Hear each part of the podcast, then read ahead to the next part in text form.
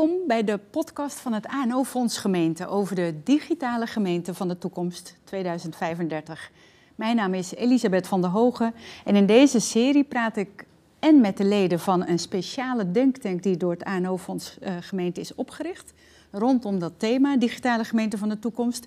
En ik praat ook met andere experts op het gebied van innovatie en digitalisering. Dit is een podcastserie gericht op gemeentesecretarissen en de gemeentelijke top. En dit is alweer de vijfde aflevering over GovTech, over publieke dienstverlening en nieuw burgerschap. En ik praat erover met Nitesh Barosa. En je bent hoogleraar GovTech aan de TU Delft. En je bent ook lid van die denktank die ik net noemde. Welkom. Dank je. Nitesh, om te beginnen drie stellingen voor een kort antwoord. Digitalisering van publieke dienstverlening moet altijd als doel hebben nieuw burgerschap. Eens. En die, mijn twijfel was bij het concept altijd. Hè. Uh, moeten we altijd uh, uh, alleen voor nieuw burgerschap gaan? Maar dat concept nieuw burgerschap, als we dat straks over hebben, dat is iets ruimer dan alleen de mens centraal stellen. Dat betekent ook echt dat je als gemeente op een hele andere manier kijkt naar de mens in de samenleving, de ontwikkeling van technologie die daarbij speelt en hoe die technologie gebruikt wordt door mensen. Oké, en als we de stelling iets nuanceren. Digitalisering van publieke dienstverlening moet altijd als doel hebben om de burger te versterken. Eens. Dan ben je het eens. Oké, okay, dankjewel.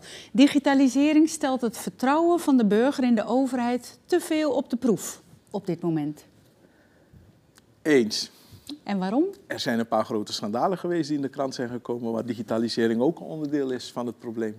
Ja, en dat zijn dermate, ja, precies. dermate ernstige feiten dat het vertrouwen te veel op de proef wordt gesteld. Klopt. Ligt een uitdaging. Ja. Bij digitalisering van de dienstverlening moet de gemeentesecretaris vooral leren grip te houden op marktpartijen. Oneens. Oneens. Nee, het, uh, de, de, valkuil is hier om te denken dat je grip kan hebben uh, op die hele grote wereld van digitalisering en uh, die partijen die daarbij komen kijken. Ik denk dat de focus moet liggen om een daadwerkelijke kennispartner te worden, om voldoende op gelijkwaardig voet met die techno tech technologieaanbieders die digitalisering vorm te geven. En dat is wat anders dan grip. Dat is wat anders dan grip gelijkwaardig partner zien ja. te zijn. Eerst even over Nitesh Barosa. Waar komt jouw belangstelling voor GovTech vandaan? Ah, ja, dat uh, is eigenlijk iets dat ik uh, na mijn opleiding al een beetje ben gaan kweken door de keuzes die ik heb gemaakt. Hè. Ik ben gaan promoveren op het gebied van um, ICT-systemen die tijdens rampen worden gebruikt. Wanneer opeens politie, brandweer, ambulance, gemeenten bij elkaar moeten komen en moeten samenwerken en gegevens moeten uitwisselen. En toen ik promoveerde waren daar nog geen goede systemen voor. Dus hoe doe je dat? Uh, hoe bouw je die systemen? Uh, hoe moeten ze werken? Hoe borg je dat ze goed gebruikt worden? Dat, die, dat zijn fascinerende vragen. Na mijn promotie ben ik eigenlijk op dat gebied doorgegaan. Dus tussen organisaties heen ehm, data uitwisselen. Met soms de burger, maar soms ook een bedrijf als aanleveraar van data. Overheden die data dan gebruiken om diensten aan te bieden. Dat is echt een wereld waar ik de afgelopen twintig jaar heel veel in heb gezien en geleerd. En er is een hoop te doen. Er is een hoop te doen. En hoe moeten we GovTech zien? Is dat de governance van de tech of de tech van de governance van de ah. governments? um, dat, het is interessant. Uh, je, je, zou hem kunnen zien als uh, uh, de technologie die in die publieke sector een rol speelt. En daar is zowel governance een belangrijke uitdaging, maar ook uh, het daadwerkelijk vormgeven en ontwerpen en toepassen van die technologische uitdaging. Ja. En die twee, hè, dat zit in dat eh, brede definitie van GovTech. Oké, okay. dat is een prachtige term en hij lijkt nog niet echt bekend. Of ligt dat aan mij? Nee, je hebt helemaal gelijk. Tegelijkertijd denk ik dat veel mensen wel een soort gevoel hebben bij fintech. Hè. Dat gaat iets over financiële technologie bij banken enzovoort. Uh, we zien ook steeds meer termen als medtech. Uh, dat is uh, technologie voor de medische sector. en GovTech begint de afgelopen jaren wel echt wat meer mainstream te worden. In de zin dat bijvoorbeeld een wereldbank afgelopen jaar voor het eerst een internationale GovTech-analyse heeft gemaakt. Hey. Maar dat is de Wereldbank, dat is ver weg. Ja. Hoe zit dat met de gemeente en, en de bekendheid van GovTech? Daar hoop ik dat we met onder andere deze podcast langzamerhand mensen van dit concept uh, uh, laten horen. De kans laten inzien, maar ook de risico's, zodat ze daarmee aan de slag kunnen. Kijk, Zullen we eerst naar de kansen? Altijd leuk om positief te beginnen. Wat zijn kansen voor gemeenten als je kijkt naar publieke dienstverlening en digitalisering? Ja, ehm, als je kijkt naar het concept overheid, hè, uh, dat is duizenden jaren oud. Sommige archeologen, historici zeggen wel 4000 jaar oud, in Sumerië ooit ontstaan. En, uh, nou, we kennen intussen heel wat overheden, maar in die tussentijd, tussen het ontstaan en nu, zie je dat overheden altijd vrijwel alleen waren alleen aan de lat stonden, volledig verantwoordelijk waren voor het inrichten van de samenleving, voor het inrichten van publieke diensten, voor het bedenken van oplossingen daarvoor. En wat je ziet, zeker de afgelopen tien jaar, dankzij de snelle volwassenwording van uh, technologie, internet, uh, algoritmisering van heel veel moeilijke dingen, zie je dat ook marktpartijen een helpende hand kunnen gaan bieden. Sterker nog, willen gaan bieden, want ze zien een kans, ze zien een markt. Er zijn heel veel burgers wereldwijd dus de markt begint nu te komen en de overheid kan dat als kans benutten. Van hey, help mij om die digitale transformatie met elkaar door te lopen. Help mij om goede oplossingen te bieden uh, uh, met die digitale uh, technologie die jullie in huis hebben. Wauw, dus de, de markt kan helpen. Daar liggen kansen om de publieke dienstverlening te ja. um, verbeteren, ja. up-to-date te maken. Um, en waar liggen de kansen als het gaat om het betrekken van burgers? Ja, ook een goede vraag. Als je kijkt naar die spanning markt-overheid, zeker in de publieke sector, uh, zie je dat er een enorme rol ook ligt voor burgers. Want uh, burgers zijn soms object hè, van zo'n dienst. Uh, het gaat over data over burgers. Burgers zijn uh, soms de aanvrager van diensten of data. Um, en het risico dat we nu lopen is dat als overheid en markt alleen maar afspraken maken en achter, achter de rug om van burgers hele belangrijke besluiten nemen. Zoals wat doen we met die data? Wie mag die data inzien? Onder welke voorwaarden mag je die gebruiken? Dan denk ik dat we straks hele boze burgers gaan krijgen. En zeker in een tijd waar we juist hebben gezien dat het vertrouwen van burgers laag is mm-hmm. in de overheid en digitalisering, denk ik dat we dat absoluut niet moeten doen, maar juist de burgers mee moeten nemen. Oké, okay, uh, dus het werk aan digitalisering uh, brengt brengt vooral een verplichting mee om de burgers in mee te nemen. Ja. Oké. Ja. En ik had het nog over kansen, maar die zijn misschien legio. Er zijn legio kansen. Dus daar ligt het punt niet. Oké, laten we even naar die markt kijken. Uh, dat is uh, een, een, deel van jouw dagelijkse werk. Van hoe word je als gemeente een, een gelijkwaardig partner bij al die technologie, partner van de marktpartijen.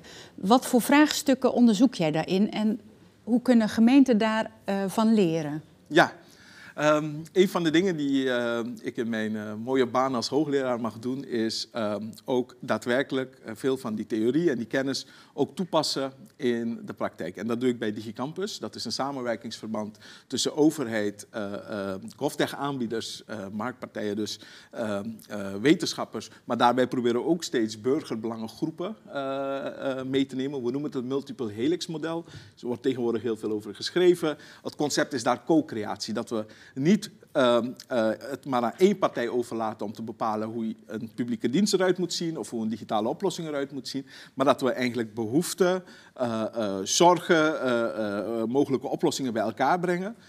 Dat prototype, het prototype van maken. Dus daadwerkelijk echt tot iets komen wat we met elkaar kunnen doorleven. Want papier kunnen we moeilijk doorleven. Mm. Je moet het zien, je moet het in je hand hebben, je moet daar keuzes in maken. En dan zie je, hé, hey, wacht even, maar als we het zo doen, ja, misschien sluiten we heel wat mensen uit. Uh, dit is veel te ingewikkeld. Hey, wat gebeurt er daadwerkelijk met die data?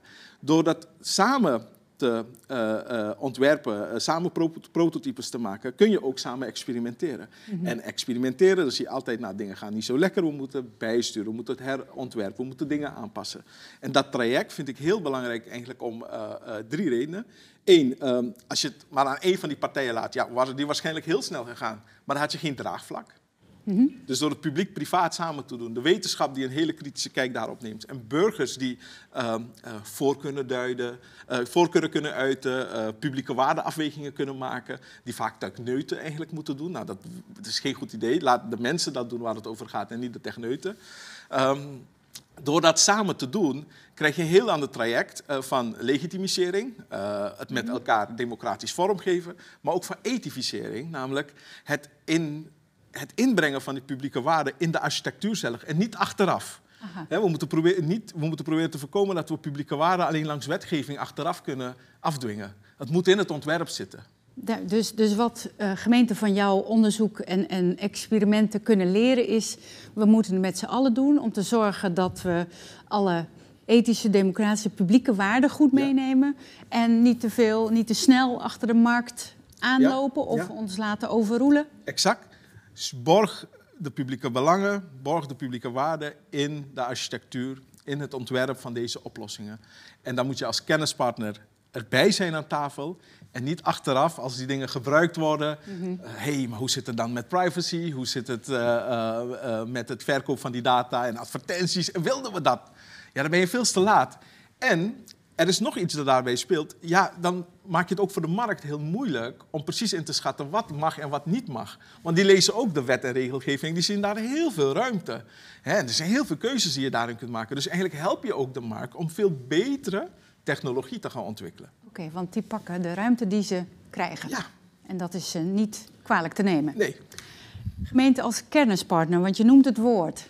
Hoe kan een gemeente kennispartner zijn en, en, ligt daar een rol voor de gemeentesecretaris? Misschien niet om grip te houden, maar om die gelijkwaardige partner te worden? Ja, voor zover ik weet, ken ik geen enkele gemeente die een functionaris GovTech heeft of een secretaris met portefeuille GovTech. Dus ik denk dat dat stap 1 is.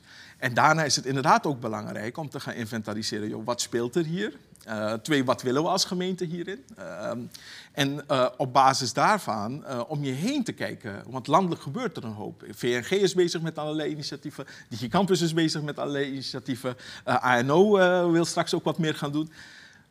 Zorg ervoor dat je coalities bouwt. Dit kun je niet alleen. Dit kun je niet als een kleine gemeente, een middelgrote gemeente. Zeker nog de grote gemeentes hebben ook gewoon moeite hiermee.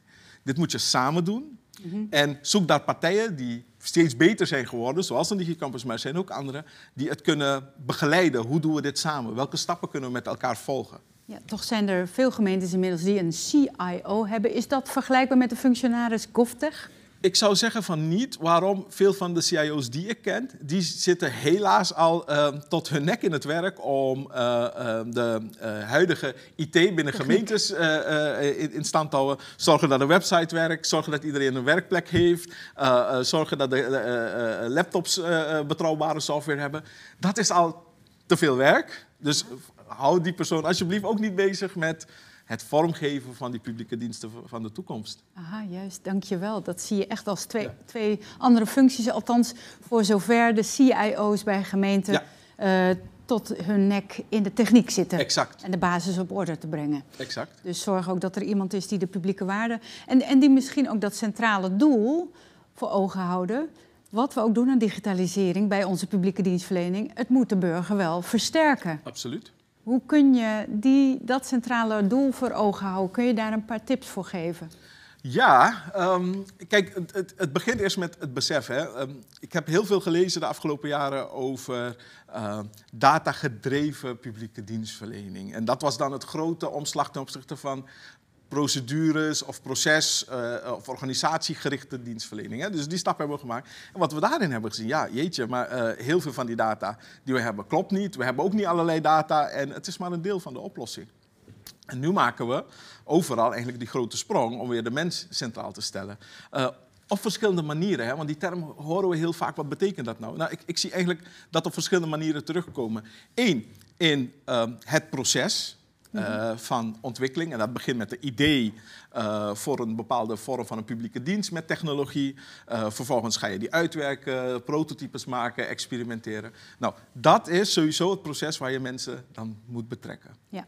En die mensen kunnen met je meedenken, die kunnen aangeven, joh, ik gebruik het in zo'n situatie en zo'n situatie niet. Dit zouden de afwegingen zijn voor mij enzovoort. Dus dat, dat is een onderdeel. Dus dat is in het ontwerpfase, maar ook in het gebruiken van die technologie zelf, dus eenmaal als die er is, moet je heel goed beseffen, nou, hoe gebruiken mensen dit? Um, hebben wij hun belangen daarin optimaal geborgd? Worden ze straks niet over bevraagd door partijen om hun publieke data of hun persoonlijke data uh, aan te bieden voor allerlei uh, toepassingen. Hè? Zodat er profielen worden opgebouwd voor die mensen. Dus die overbevraging, dat is ook zo'n zorg. Maar ook het punt van, ja, hebben deze mensen straks voldoende keus? Wat ik heel erg bang voor ben, is dat, dat, dat we straks allemaal naar één oplossing voor uh, alles gaan. Of er is maar één oplossing die publieke dienst A kan faciliteren, één oplossing die publieke dienst B.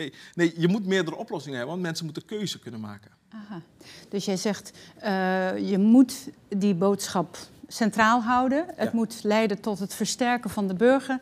En er zijn wel degelijk uh, goede aanknopingspunten, uh, eigenlijk waarschuwingspunten waar je op kunt letten. Absoluut. En een les die ik daar zelf ook heb geleerd. Hè. Dus ik ben bij de Technische Universiteit. Ik ben een uh, ongelooflijke enthousiaste persoon voor technologie. dat fascineert mij. Tegelijkertijd moeten we ook beseffen dat technologie grenzen kent. En dat technologie niet voor heel veel dingen de oplossing is. Ik heb zelf geleerd uh, in uh, Digicampus-experimenten met burgers dat voor bepaalde doelgroepen, met name bijvoorbeeld ouderen, ja, het helemaal geen zin heeft op een ingewikkelde app te gaan bouwen waarmee zij iemand anders kunnen machtigen om namens hen hun belastingaangifte te doen die mensen hebben die technologie, die, die, die zit niet in hun, uh, in hun DNA nog. Nou, oma kan natuurlijk bellen wel, wel, en Facebooken. Maar echt begrijpen wat er gebeurt, dat, dat, lukt gewoon niet. En daar moet je andere oplossingen voor maken, die niet eens technologie gebaseerd zijn. Dus we moeten ook oppassen dat we uh, met technologie denken dat we alle type burgers, want er is niet maar één, alle type burgers, de digivaardigen, de minder digivaardigen, kunnen helpen. We moeten daar veel meer in gaan segmenteren. En dat is een moeilijke les, heb ik gemerkt, in de publieke sector. In de publieke sector, ik kom uit de private sector, in de private sector was het, je kunt segmenteren. Je kunt zeggen, dit is de wereld en dit is mijn klant. Dit is mijn doelgroep. Hier ga ik geld aan verdienen. En ik ga de beste dienst voor hun maken. En de rest, iemand anders een probleem. De overheid kan dat niet doen, gemeenten kunnen dat niet doen. Die moeten voor iedereen een oplossing hebben. Het valkuil die ik wel vaak zie, is dat men dan in één oplossing alle doelgroepen wil bedienen. En dat lukt niet, want dan vragen we ook te veel van de techneuten en de techniek. Je moet weten wanneer je wel technologie kunt inzetten. En je moet weten wanneer je een mens in vlees en bloed aan de balie moet Natuurlijk, maar nu klinkt het als het nu, maar we hebben het straks over 2035. Misschien is het dan met één druk op de knop zijn alle doelgroepen in één keer bediend. Geloof ik niet in. Nee, nee, nee. nee. Er, uh, als ik nu al hoor over een, een voicebot, ja. Katie, ja. die in staat is om het taalniveau in te schatten van, van degene die er tegenover zit. Ja. En, en daarop ook het gesprek op aan te passen. Op, als onderzoeker ben ik nou hartstikke benieuwd naar hoe vaak Katie het goed heeft en hoe vaak Katie het niet goed heeft. En hoe we omgaan met het feit als het niet goed heeft. Mm. En hè, daar moeten we ook niet bij blind staren. We hebben natuurlijk al technologie in heel veel publieke diensten. We hebben bijvoorbeeld ook een toeslagenaffaire gezien. Het voorbeeld dat ik eerder noemde. Achteraf blijkt na onderzoek dat de algoritme achter het fraude signaleringsvoorziening van de Belastingdienst het maar voor 4% goed had. Dus 96% zat die fout. Dat wil zeggen dat de data en de algoritmen gewoon niet kloppen en niet werken. Maar ze zijn wel toegepast. Betekent dat dat we dan nooit goede algoritmes kunnen maken? Nee, dat, dat, denk ik niet. Maar het heeft veel meer tijd nodig hmm. voordat die technologie daadwerkelijk relatief betrouwbaar is. Maar ook dan moet je goed nadenken wat als het niet goed zit. Precies, gemeenten moeten goed nadenken en moeten misschien maar even een poosje afwachten totdat de techniek op orde is. Of werkt het zo ook weer? Nee, dat zou ik niet zeggen. Um, bemoei je er nu mee. Ga nu aan tafel. Hmm. Want anders is het straks te laat. Hoe langer je wacht, hoe groter de, eh, het, gat wordt, het kennisgat wordt, op hoe die dingen nou werken, wat, wat de data ze allemaal gebruiken, hoe mensen daarop reageren. Je moet nu mee, ook om te leren en straks om mee te bepalen en mee te sturen. Uh, we zijn bijna bij een afronding al, Nitesh. Hoe kijk je naar nieuw burgerschap, het ultieme nieuwe burgerschap in 2035 in relatie tot de gemeente? Prachtig. Um, ik vind het een mooie term. Um, en um, ik denk dat er nog heel veel aspecten aan zitten. Maar drie aspecten die voor mij heel erg centraal zijn uh, in, in uh, dat begrip. Is dat de mens in die klantreis, uh, in die dienstverlening centraal staat. Dat we ontwerpen vanuit de mens en, en die leefsituatie en, en, en, en voorkeuren. En niet vanuit data of processen. twee, dat we ook steeds meer accepteren dat je, ja, je kunt niet alle doelgroepen op dezelfde manier delen. Dus uh, bepaal welke oplossingen voor welke doelgroep het beste passen en optimaliseer dat. Um, en drie, um, en dat, dat, uh, drie is, is eigenlijk ook heel belangrijk, is het besef dat steeds meer mensen een belangrijk onderdeel worden van eh, het oplossen van de grote maatschappelijke opgaven waar we zitten.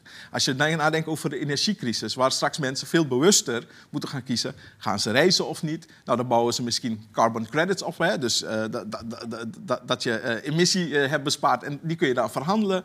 Um, um, als je elektrische auto hebt, heb je misschien lagere premies. Er gaat gewoon heel veel gebeuren, waardoor als je grote oplossingen wilt doorvoeren in de samenleving, je de mens daarbij de tools moet geven om daadwerkelijk daarnaar te handelen. Als we dat niet doen, wordt het gewoon heel ingewikkeld. En dit zie je eigenlijk, dat is een beetje als slotobservatie, de wetgeving loopt hierin een beetje voor. meestal loopt de wetgeving achter, maar als je kijkt naar wetgeving uit Europa, uh, Algemene uh, Verordening Gegevensbescherming uit uh, 2016, um, IIDAS over digitale identiteit en data wallets, PSD2 voor financiële data de wetgeving geeft eigenlijk al veel meer rechten aan burgers en veel meer plichten aan dataverwerkers, dienstverleners, bedrijven en overheden. Wat we niet hadden waren de tools. In 2035 gaan we de tools hebben, de daadwerkelijke technische oplossingen, zowel bij een gemeentesecretaris, uh, bij de balie aan de gemeente, maar ook op de smartphone van de mensen, waarmee je die rechten en die plichten daadwerkelijk goed kunt vervullen. En, en dan zie ik, als ik jou goed heb beluisterd, eigenlijk het nieuwe burgerschap als het omgekeerde van publieke dienstverlening. Namelijk, straks hebben we de tools om de dienstverlening van het publiek aan de gemeente, het meedenken, het meehelpen oplossen van de maatschappelijke opgave, om dat zo vorm te geven. Het heeft 4000 jaar geduurd, maar nu zouden we het kunnen. We zouden het kunnen, samen met die markt. Ja. Maar, uh, ja, maar de tools hebben we om uh, het publiek er volop bij te betrekken, ook als gelijkwaardig ja, partner. Exact exact. Mooi. Waar ben je nu mee bezig, uh, Nitesh? Uh, fantastisch onderzoek uh, naar juist die data wallet. Hè. Dat komt uit Europa. Europa wil dat iedereen straks zijn eigen digitale dataportemonnee heeft. Waarin onder andere je rijbewijs inkomt, je paspoort inkomt. Hè. Dus denk even naar wat betekent dat voor de gemeente die het normaliter nu uitgeeft. Maar goed.